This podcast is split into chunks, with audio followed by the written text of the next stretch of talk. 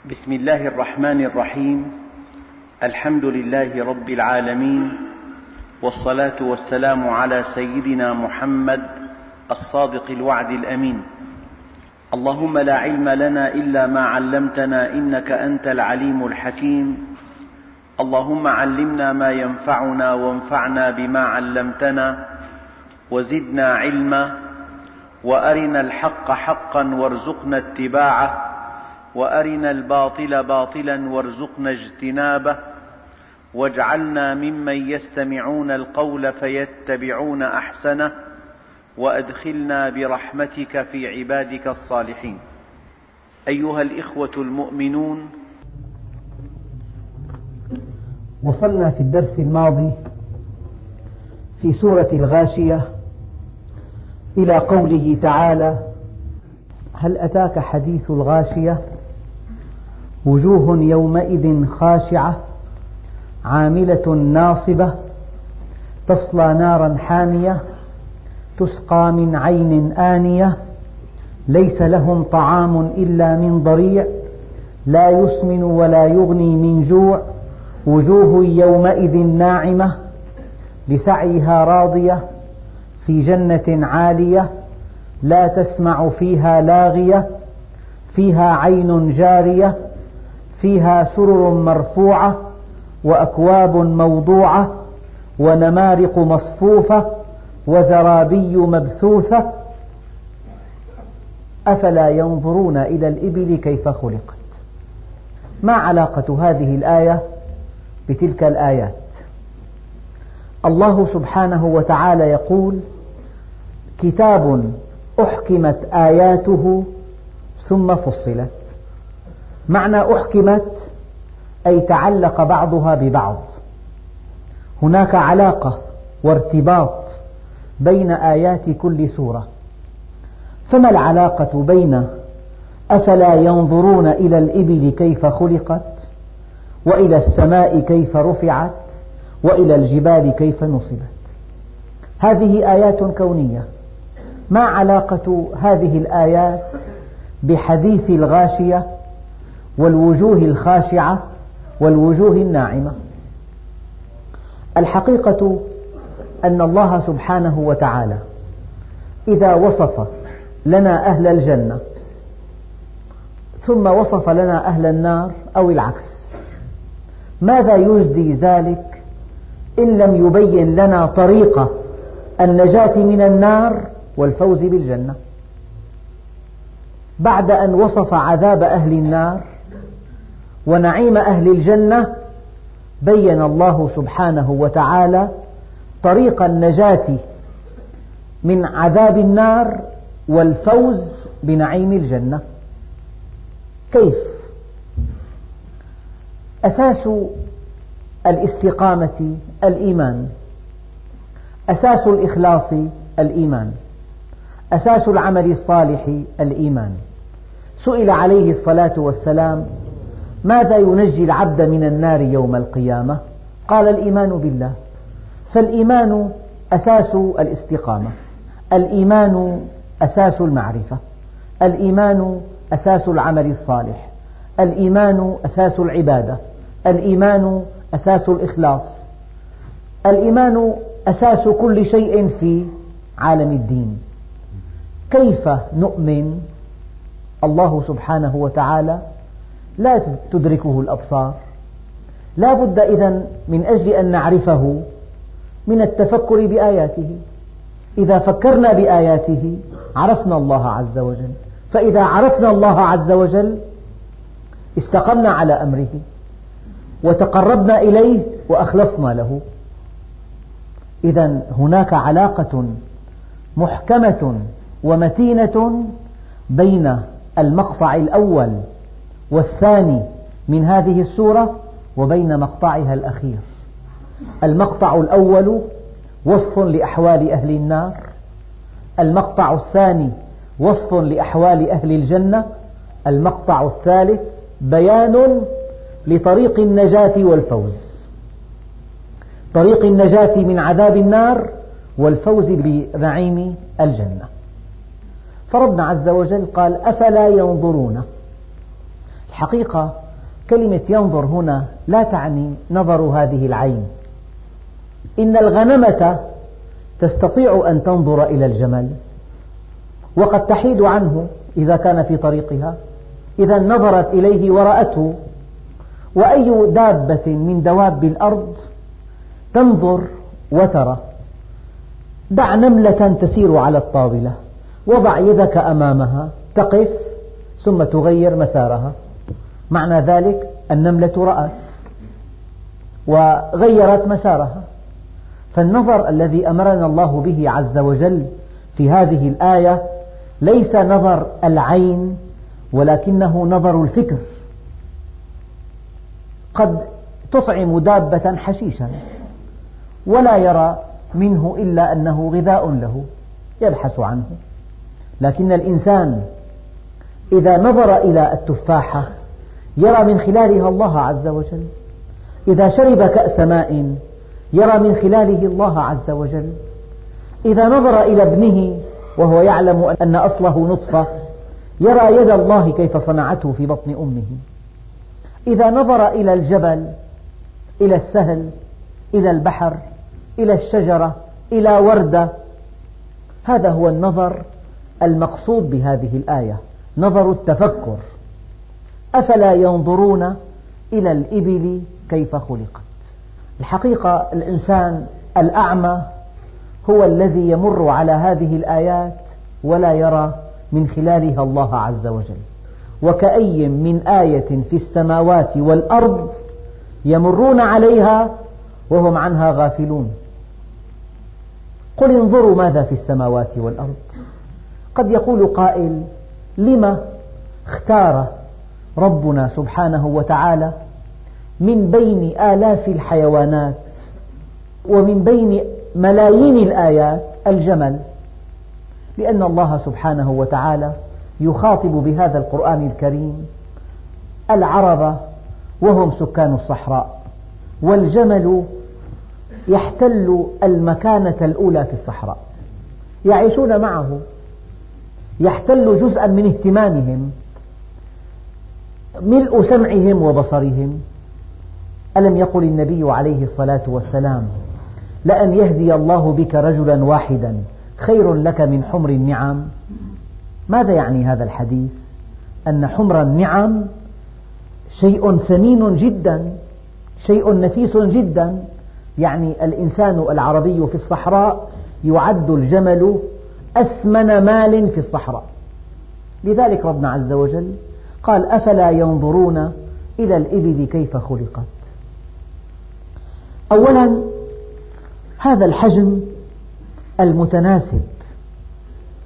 يعني لو أن حجم الإبل أصغر من ذلك لما تناسب مع رمال الصحراء ومع الكثبان الرملية ومع المسافات الشاسعة التي على الجمل أن يقطعها. فالحجم مناسب. وهذه الصحراء كما تعلمون قاحلة لا نبات فيها ولا ماء. إذا لا بد من أن هذا الحيوان الذي سخره الله لخدمة الإنسان أن يتحمل العطش. إن الجمل يتحمل, يتحمل العطش إلى درجة مذهلة. قد يستطيع أن يبقى بلا ماء عشرة أيام. وفي الأحوال العادية يشرب في الأربعة أيام مرة واحدة. لأن الله سبحانه وتعالى زوده بمستودعات للماء في جسده يستهلكها رويدا رويدا. فربنا عز وجل قال أفلا ينظرون إلى الإبل كيف خلقت؟ البدو يسمون الجمل عطلة يعني عطاء الله عز وجل. وتعلمون أن المناطق القاحلة في العالم تساوي سدس اليابسة. يعني اليابسة تساوي خمس الكرة الأرضية وسدس الخمس صحارى وبواد وأراض قاحلة. والجمل الوسيلة الوحيدة للتنقل في الصحارى. إلى الآن في بعض الدول لا يستخدم إلا الجمل في نقل الحاجات والمعدات حتى أن بعض الجيوش في العالم تستخدم الجمل حتى هذا التاريخ لأنه الوسيلة المجدية والأمينة والفعالة في الصحراء. قال بعض العلماء كل ما في الجمل متقن التصميم كي يتحمل البيئة القاسية في الصحراء. بتحس أنه وراء الجمل في خلق مبدع في إله عظيم في عقل أول صممه. قال شفتا الجمل مطاطيتان قاسيتان قساوة مع مرونة. تستطيعان أن تلتهما الشوك الذي يخرق نعل الحذاء في بالصحراء شوك. لو وضعت قدمك فوقه لاخترق النعل إلى الرجل. قال هذا الشوك كأنه إبر فولاذية. تستطيع شفتاء الجمل أن تلتهمه في الصحراء. فما هذه القدرة التي منحها الجمل وزودها به؟ شفتاء الجمل تجمع الطعام من دون أن يفقد فم الجمل رطوبته لأن الماء في الصحراء نادر والماء شيء نفيس جدا في الصحراء. إذا كل تصميمات الجمل بشكل أن لا يستهلك الرطوبة التي في جسده. لذلك الشفتان المتباعدتان المطاطيتان تلتهم الأعشاب وفمه مغلق حفاظا على الرطوبة في فمه. يأكل الجمل نباتات لا يلتفت أي حيوان إليها. يعني مهما كان النبات قاسيا وشوكيا وجافا ومؤنفا وحادا يأكله الجمل. لأنه يعيش في الصحراء والصحراء فيها الشوك والشوك أوراق إبرية. هذا التصميم من أجل الحفاظ على الرطوبة. في المناطق الاستوائية الأوراق كبيرة جدا لأن الرطوبة متوافرة. لكن في الصحراء الرطوبة نادرة جدا. فالنبات الذي ينبت في الصحراء ترى أوراقه كالإبر المؤنفة كل هذا من أجل الحفاظ على الرطوبة. معدة الجمل لها أربعة أجواف فهو من الحيوانات المجترة. يعني لو أنك حرمت الجمل الطعام إلى أمد طويل طويل فإنه يهضم الطعام الذي كان قد أكله وقد ركب الله في ظهره مستودعا غذائيا يكفيه عشرات الأيام بل ما يعادل الشهر. ذلك السنام. السنام ركبه الله عز وجل في الجمل لأنه يقطع مسافات طويلة ولا طعام ولا ماء في طريقه الصحراوي. كما قلت قبل قليل يستطيع أن يستغني عن الماء أربعة أيام بالأحوال الطبيعية. وعشرة أيام بالأحوال القاسية. لذلك سيدنا خالد رضي الله عنه استخدم الجمال في معركة اليرموك ونقل بها الجيش من العراق إلى الشام في عشرة أيام دون أن تشرب قطرة واحدة. لو تتبعت الأجهزة التي ركبها الله في الجمل بوله كثيف جدا لئلا يستهلك الماء. روسه قليل جدا لئلا يستهلك الماء. لا يتعرق الجمل. لو كان يتعرق والحر شديد لفقد ماء جسمه.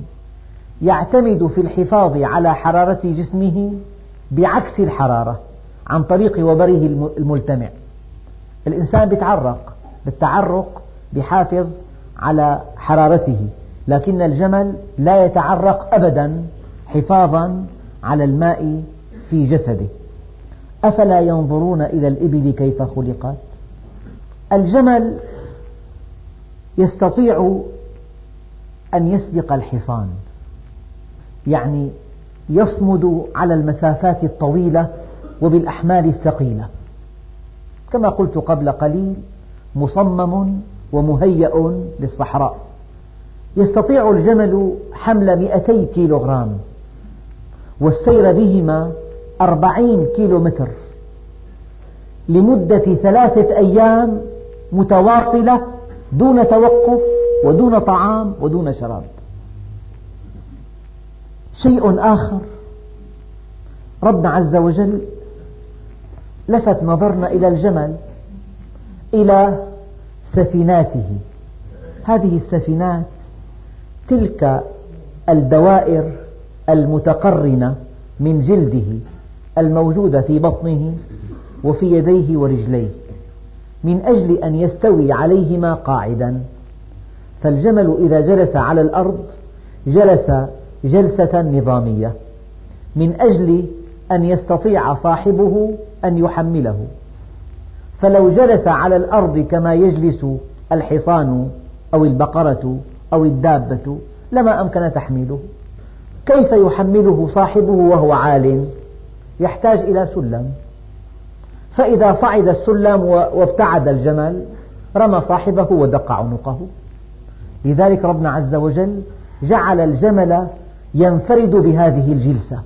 جلسة نظامية تعينه عليها سفنات في بطنه وفي رجليه وفي يديه. كيف ينهض؟ وله هذه القوائم الطويلة. لو نهض بدءا بقوائمه الخلفية لوقع الحمل على الأرض. ولو وقف بدءا بقوائمه الأمامية لوقع الحمل خلفه. لكن الله سبحانه وتعالى جعل له ذلك الرأس الكبير وذلك العنق الطويل كي يكون متوازنا في قيامه وفي قعوده. أفلا ينظرون إلى الإبل كيف خلقت؟ الجمل يستطيع أن يغلق رموش عينيه وأن يرى طريقه وألا يدخل الرمل في عينيه. يعني مزود برموش دقيقة متشابكة تسمح له بالرؤية ولا تسمح للغبار بدخول عينيه. لأن الصحراء فيها عجاج فيها غبار دقيق جدا. والجمل من بين الحيوانات التي تستطيع إغلاق أذنيها وأنفها. إذا هبت الرياح العاتية وأثارت الغبار الدقيق فإن الجمل يستطيع أن يغلق أذنيه وأنفه وأن يغلق أجفان عينيه وأن يستطيع أن يرى طريقه من دون أن يتعثر. والجمل مزود بخف يعينه على السير في الرمل. اذهب إلى ساحل البحر وامشي بقدميك على أرض رملية ثم تذكر مقدار المشقة التي تعانيها في السير على الرمل. لكن الجمل مزود بخف مرن وبظفر يدفع عنه الأحجار إذا سار على الرمل. أفلا ينظرون إلى الإبل كيف خلقت؟ صنع من؟ شيء آخر. أفلا ينظرون إلى الإبل كيف خلقت؟ بهذه الصفات. وكيف تم خلقها؟ أليس الجمل في أصله نطفة؟ أليس الجمل في أصله تكون في رحم أمه؟ يد من صاغت هذا الخلق؟ يد من جعلت له أربعة أجواف هضمية؟ يد من جعلت له مستودعات للماء في بطنه؟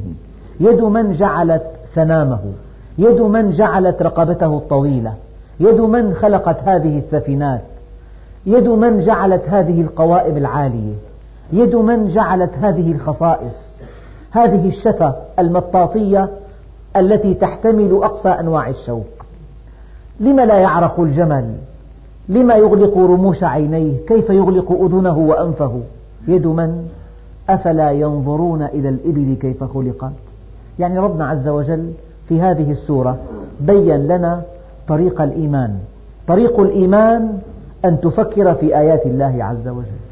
إذا فكرت في آيات الله عرفته وإذا عرفته استقمت على أمره وإذا استقمت على أمره أقبلت عليه وإذا أقبلت عليه اصطبغت نفسك بالكمال فصرت صالحا أن تسعد بقربه إلى أبد الآبدين. أفلا ينظرون إلى الإبل كيف خلقت؟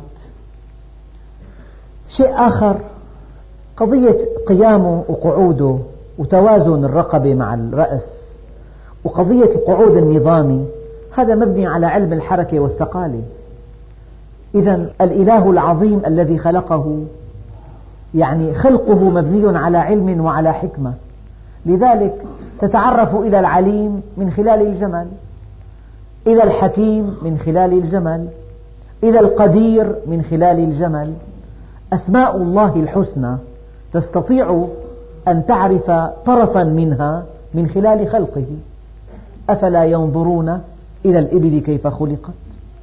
يعني الوقت لا يتسع والمقام لا يتسع وطبيعة الدرس الديني لا تتسع لتفصيلات عن الجمل أفاض بها العلماء. السماء أولا كما قلنا من قبل في قوله تعالى والسماء والطارق. السماء فضاء كواكب هذا الفضاء الذي لا حدود له. هل فكرنا فيه؟ فلا أقسم بمواقع النجوم. وإنه لقسم لو تعلمون عظيم.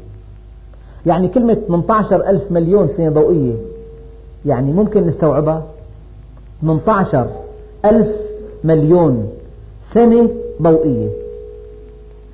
13 ألف مليون سنة ضوئية بعد مجرة أخرى.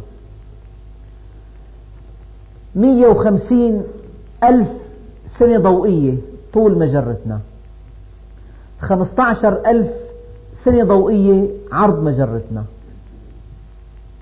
13 ساعة أقصى بعد بين المجموعة الشمسية. الشمس من دقائق القمر ثانية. يعني إذا كان القمر ثانية صعد الإنسان للقمر وركب مركبة تسير بسرعة أربعين ألف كيلومتر في الساعة ووصله بعد ثلاثة أيام.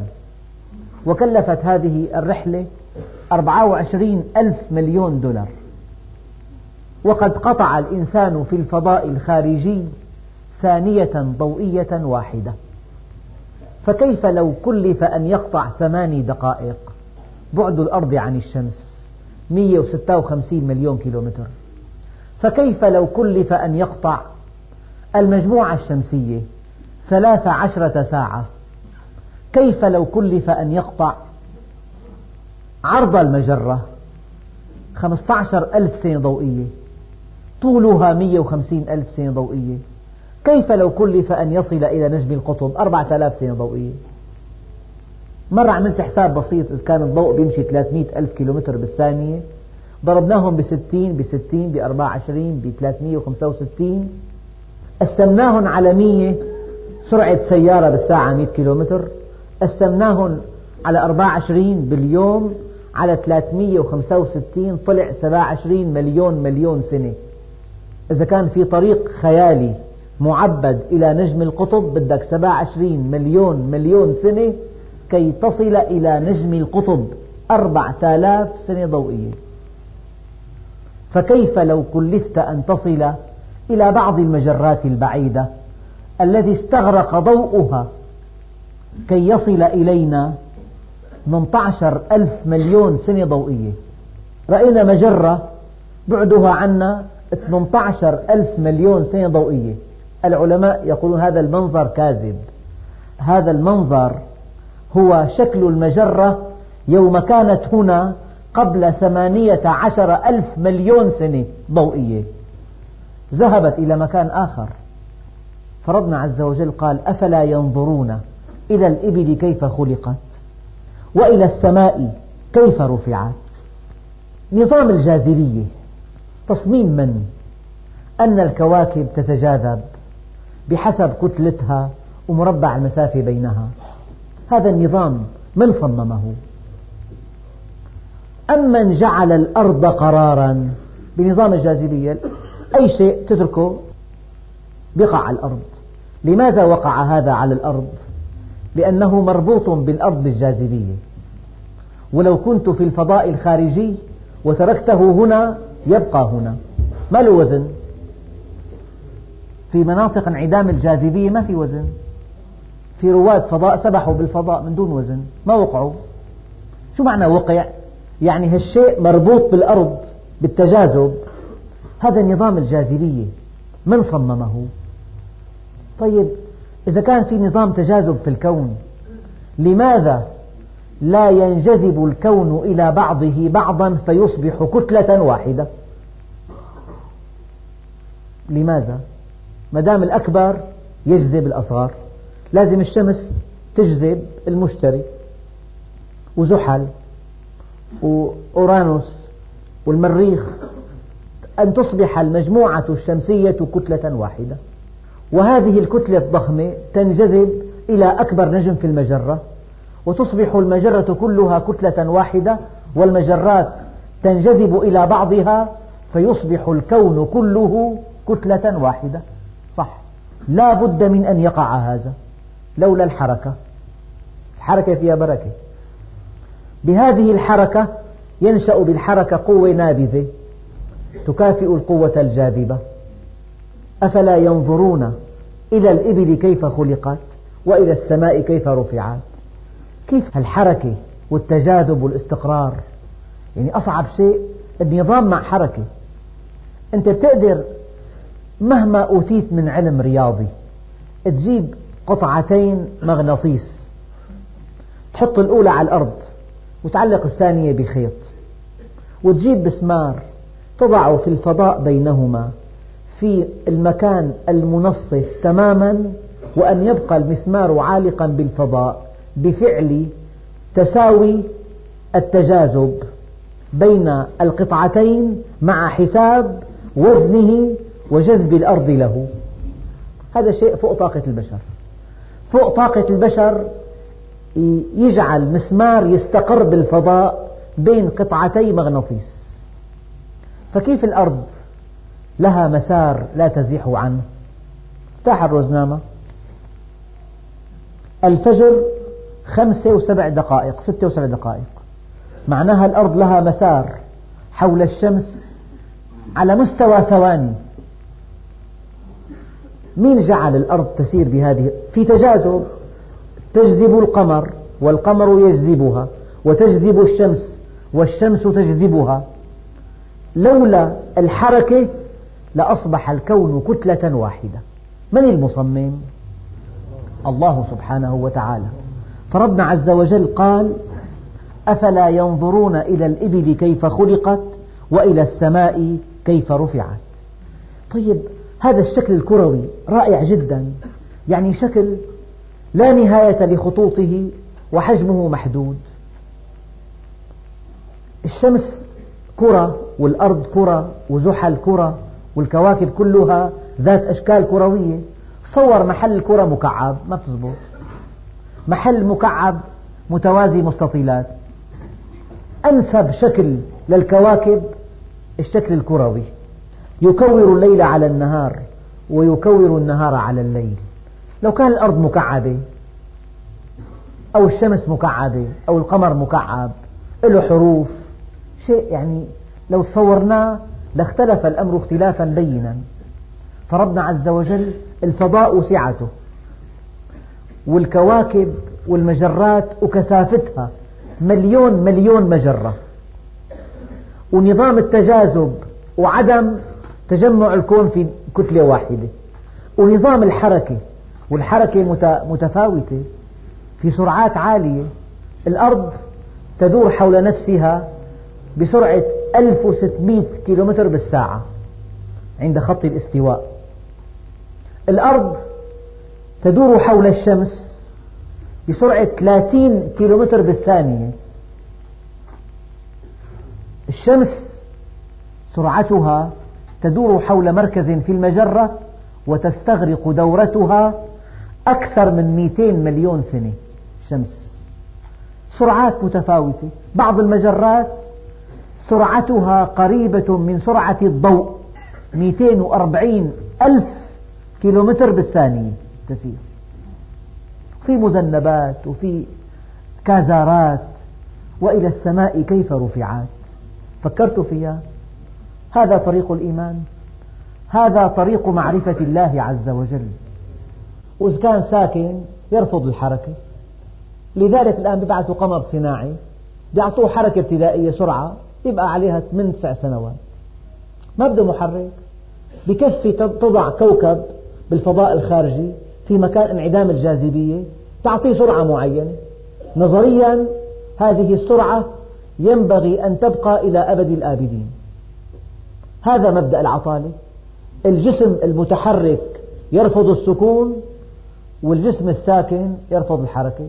إذا واحد راكب سيارة على الواقف وضرب المكبح أوقفت فجأة بوع. ليش بوع؟ لأنه مطبق عليك قانون العطالة. أنت بترفض توقف. السيارة وقفت أنت بترفض توقف. تقوم توع. وإذا واحد راكب سيارة وتحركت فيه بحس المقعد الخلفي دفعه نحو الأمام. إنه هو رافض الحركة هي تحركت صار في آه، تضاد بالجهة. إذا هذا المبدأ مين خلقه؟ الشكل الكروي الفضاء المجرات التجاذب الحركة. المبدأ العطالة وإلى السماء كيف رفعت؟ هذا الضوء حتى الآن تعريف الضوء صعب. جزيمات دقيقة جدا تنطلق من أجسام هي الضوء. ما هو الضوء؟ قال إذا سار الجسم بسرعة الضوء صار ضوءا. ما معنى الضوء؟ يعني حجمه لا نهائي وكتلته صفر. ما له كتلة ضوء. هلا أشعة الشمس توزن. هذا الضوء المنبعث من هذه المصابيح يوزن. ما دام في فضاء الضوء ينتشر في الفضاء إلى ما لا نهاية. إذا الضوء كتلته صفر. حجمه لا نهائي. إذا سار أي جسم بسرعة الضوء صار ضوءا ما كنه الضوء؟ الله أعلم. من خلق الضوء؟ من خلق الليل والنهار والشمس والقمر؟ قال وإلى السماء كيف رفعت؟ هذه الكواكب لها قوام. هذا الكوكب غازي. شمس ليست صلبة. الشمس غازات تتفاعل تفاعلا مستمرا متسلسلا فيها. غازات. زحل غازات. المريخ جسم صلب الأرض صلبة. لذلك لكل كوكب في كثافة معينة. قال في كواكب. يعني السنتيمتر مكعب منا بألف مليون طن. السنتيمتر مكعب منا. الأرض كثافتها واحد. في كواكب أكثر في كواكب أقل. الشمس مثلا أكبر من الأرض بمليون وثلاثمئة ألف مرة. لكن وزنها أكبر من الأرض بثلاثة آلاف وثلاثمئة مرة فقط. كثافتها أقل. وإلى السماء كيف رفعت؟ اختلاف الحجوم اختلاف قوام الكواكب اختلاف الكثافات. صنع الله الذي أتقن كل شيء. ربنا عز وجل يعني في موضوعات تقترب أن تكون فلسفية. موضوع مثلا الزمن. الزمن ما تعرفه. قال الزمن هو البعد الحركي للأشياء. البعد الحركي. الشيء له طول وعرض وارتفاع. له بعد رابع هو الزمن.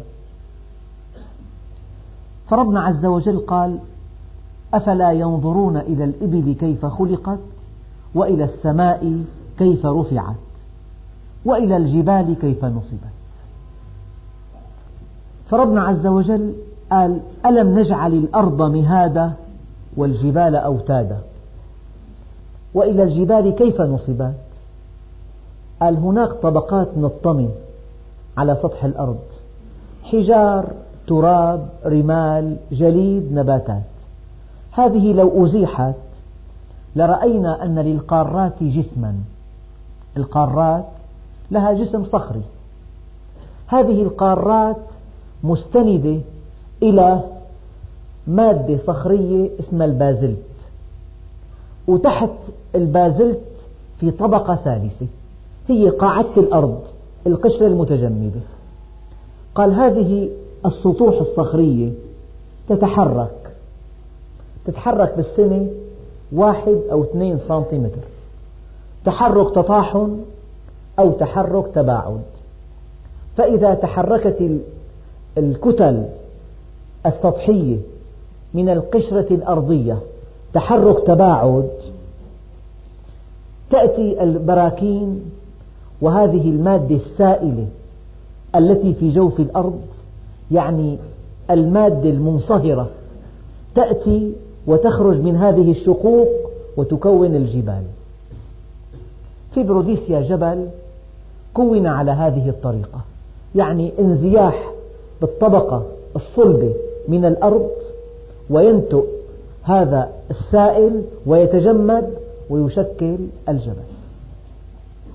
وفي المحيط الأطلسي سلسلة من الجبال تبدأ من الشمال وحتى المحيط المتجمد الجنوبي بارتفاع قدره 1500 متر ضمن البحر. في سلاسل جبلية ضمن البحر. وإلى الجبال كيف نصبت؟ في جبال بركانية. يعني البراكين السائلة تصنعها. وبسنة السبعة وستين أو أكثر في جزيرة بكاملها تشكلت من البراكين. فالصفائح القارية تتباعد عن بعضها ومن تباعدها تنشأ الجبال البركانية. وقد تتطاحن يعني هذه الصفيحة التي في الأرض تأتي تحت هذه الصفيحة ويحدث التواء ويظهر الجبل. هذا من نوع ثاني. من تباعدها تنشأ الجبال البركانية ومن تقاربها تنشأ الجبال الالتوائية وهناك ضغوط باطنية في الأرض تدفع بعض القارات إلى أعلى وتشكل الجبال. هذه بعض النظريات. لكن الله سبحانه وتعالى وحده يعلم كيف نصبت هذه الجبال. لكن الجبال في من تصميمها حكمة بالغة. بتلاحظ إلى جانب السواحل دائما في سلاسل جبلية. هذه السلاسل الجبلية توفر المصدات التي تمنع المنخفضات من التبعثر في القارات. وهذه السلاسل الجبلية تشكل فروق في الحرارة بين سفوح الجبال وبين قممها وهذا يشكل تيارات من الهواء. يعني موضوع الجبال موضوع دقيق كثير. ربنا عز وجل قال ألم نجعل الأرض مهادا والجبال أوتادا؟ فربنا عز وجل قال الجبل وتد. معنى وتد؟ أن الجبل له قسم ظاهر وله قسم مغروس في الأرض. العلماء قدروا أن القسم غير الظاهر يعادل ثلثي القسم الظاهر مثل السن تماما. هذان الثلثان يربطان طبقات الأرض بعضها ببعض فإذا حصل اضطراب في باطن الأرض فإن هذه الكتل مثبتة بعضها ببعض عن طريق الوتد الذي هو الجبل. فربنا عز وجل قال ألم نجعل الأرض مهادا والجبال أوتادا؟ آية ثانية. قال والجبال أرساها متاعا لكم ولأنعامكم وألقى في الأرض رواسي أن تميد بكم. الأرض تدور ودورة الأرض بسرعة بالغة فلو لم يكن هناك توازن في توزيع الثقالة والكتل على سطح الأرض لحصل اضطراب. أمن جعل الأرض قرارا. لو تتحرك الأرض سنتي واحد ينهدم هذا البناء. استقرار الأبنية بسبب استقرار الأرض واستقرار الأرض بسبب توزع هذه الجبال على سطحه. وألقى في الأرض رواسي أن تميد بكم لئلا تميد بكم. هلأ بيكون في قوالب لبعض العجلات من أعلى مستوى بصبوا العجلة صب محكم بيحطوها على محرك تعمل ردفة بيحطوا لها قطعة رصاص بمكان معين بتروح الردفة. يعني قطعة الرصاص تحدث توازن في الدوران. كذلك الجبال حينما أودعها الله عز وجل ووضعها في هذه الأماكن التي بثها على علم من أجل أن تكون الأرض مستقرة. لو تخيلنا أن جبل انتقل من مكان إلى مكان لاختلف استقرار الأرض. فهي الآية الثانية. والجبال أرساها متاعا لكم ولأنعامكم هو الذي مد الأرض وجعل فيها رواسي وأنهارا كلمة رواسي وأنهارا يعني الجبل إشارة لطيفة إلى أنه مستودع للمياه. هذه الأنهار لها ينابيع والينابيع مستودعاتها في الجبال وجعل في الأرض رواسي وأنهارا وفي آية ثانية والأرض مددناها. يعني شكلها كروي لأنه خطوطها كلها مستمرة. أما أي شكل آخر تنتهي الخطوط عند الحرف لكن الكرة خطوطها لا تنتهي والأرض مددناها وألقينا فيها رواسي. أمن جعل الأرض قرارا وجعل خلالها أنهارا وجعل لها رواسي. يعني علاقة الاستقرار بالرواسي. وجعلنا فيها رواسي شامخات وأسقيناكم ماء فراتا. حكمة ذكر آية الماء الفرات مع القمم الشامخة لأن الجبل يعد مستودعات للمياه. وربنا عز وجل قال في آيات أخرى وما أنتم له بخازنين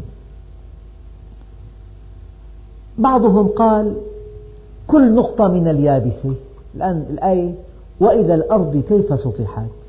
يعني الأرض فيها جبال فيها هضاب فيها تلال فيها سهول فيها بوادي فيها صحارى فيها أغوار فيها سواحل فيها بحار فيها رؤوس فيها خلجان فيها جزر. جزر كبيرة جزر صغيرة في قارات قارات بالقسم الشمالي قارات في الجنوب لكن هناك قانونا اكتشفه بعض العلماء أن أي نقطة على سطح الأرض إذا رسمت خط العرض لها ومددته حول الكرة وأخذت النقطة المقابلة لهذه النقطة تراها بحرا أبدا. أي نقطة على اليابسة؟ ارسم خطها العرضي الدائري دوائر العرض وخذ النقطة التي تقابلها يعني 180 درجة. كل نقطة على اليابسة يقابلها بحر. قال هذا التصميم عجيب. هل يعقل أن تكون الأرض قطعة من الشمس انفصلت عنها وتبردت وصارت هكذا؟ ما هذا النظام القانون شيء آخر. قارات الأرض كما تقول بعض الكتب هضاب عظمى من الصخر ترتفع 8 بالعشرة من الكيلومتر. أقصى ارتفاع لها تقريبا. وسلاسل الجبال التي صورها الله عز وجل وألقاها بعضها فوق سطح الأرض وبعضها في أعماق البحار. الآن لذلك في خرائط لجبال البحار تلاقي سلاسل جبلية وتلال وديان حتى في أعماق البحار في وديان سحيقة. في وادي مريانا بالمحيط الهادي عمقه بقدر ارتفاع جبل إيفرست أعلى نقطة بالعالم. عمق هالوادي مريانا في قاع المحيط الهادي بيساوي ارتفاع جبل إيفرست تماما. إذا هذا التصميم بعدين القارة لها رصيف. الرصيف القاري بيمتد 160 كيلومتر بالبحر. يعني قارة آسيا لها رصيف. لو البحر التغى بتكبر قارة آسيا من كل الجهات 160 كيلومتر.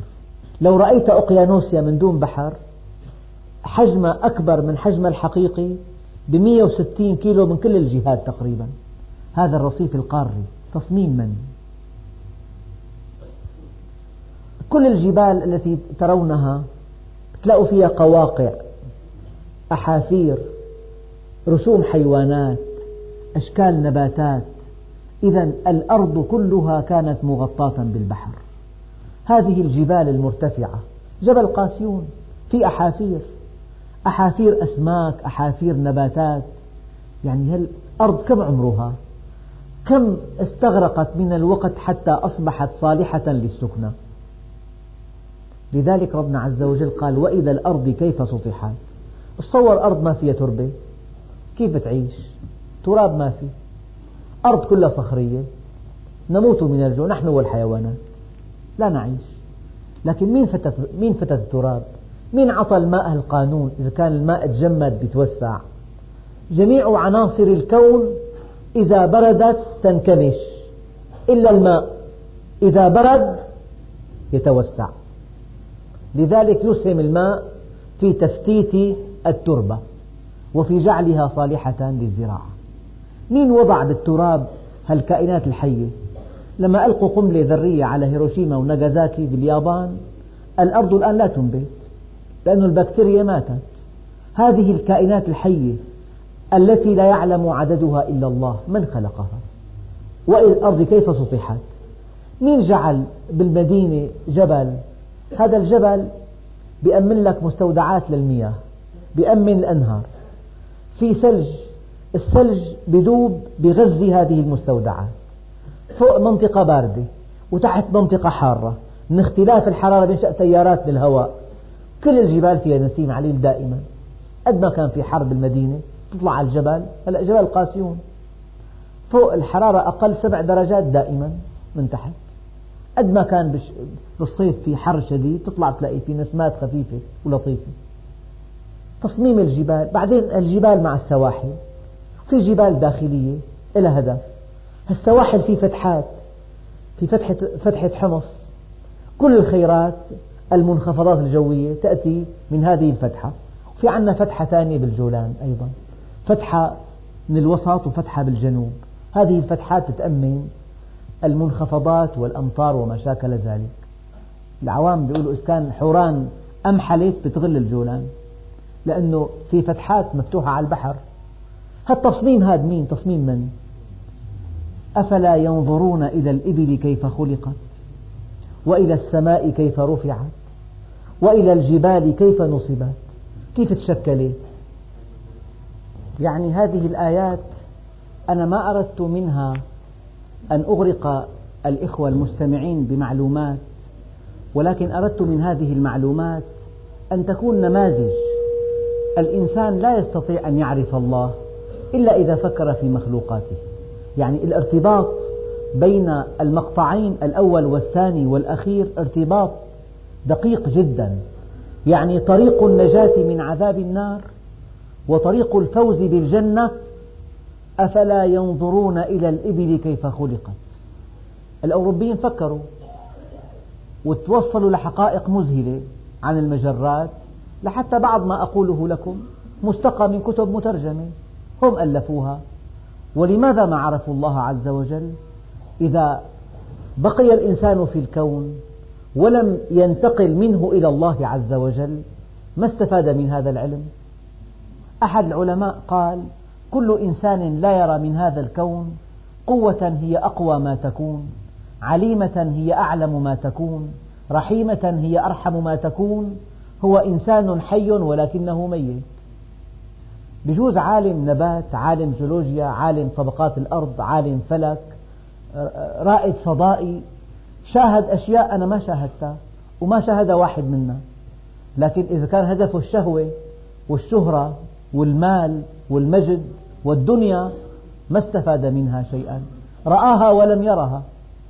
أما المؤمن إذا نظر إلى هذه الآية ينتقل منها إلى الله عز وجل إلى خالقها إلى مكونها إلى مبدعها.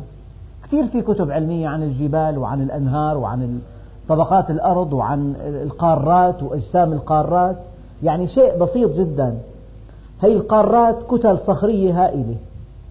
قارة آسيا كتلة صخرية بكاملها مستندة إلى سطح صخري وهذا سطح مستند إلى سطح ثالث. لو كان في اختلاف في الكثافة عكسي لغارت القارات في أعماق الأرض. أما الطبقة السفلى أشد كثافة العليا أقل منها العليا أقل منها. كما لو تضع فلينة في الماء ما بتغرق. أنه كثافة الفلين أقل من الماء. أما ضع بسمار بيوقع لتحت. مين هالتصميم صممه أنه هالقارات هي لها كثافة معددة أما قاعدتها كثافتها أشد. قاعدتها الثالثة كثافة أشد. بالأعماق في مائع ناري في براكين تنطلق من أعماق 160 كيلومتر لتحت. لفوق طالع حقول النفط عمقها 8 كيلومتر. هالكتل الصخرية الهائلة شو أوزانها؟ كم وزنها؟ تلاقي مقلع أحجار عمره 30 سنة الجبل هو ما تغير شكله.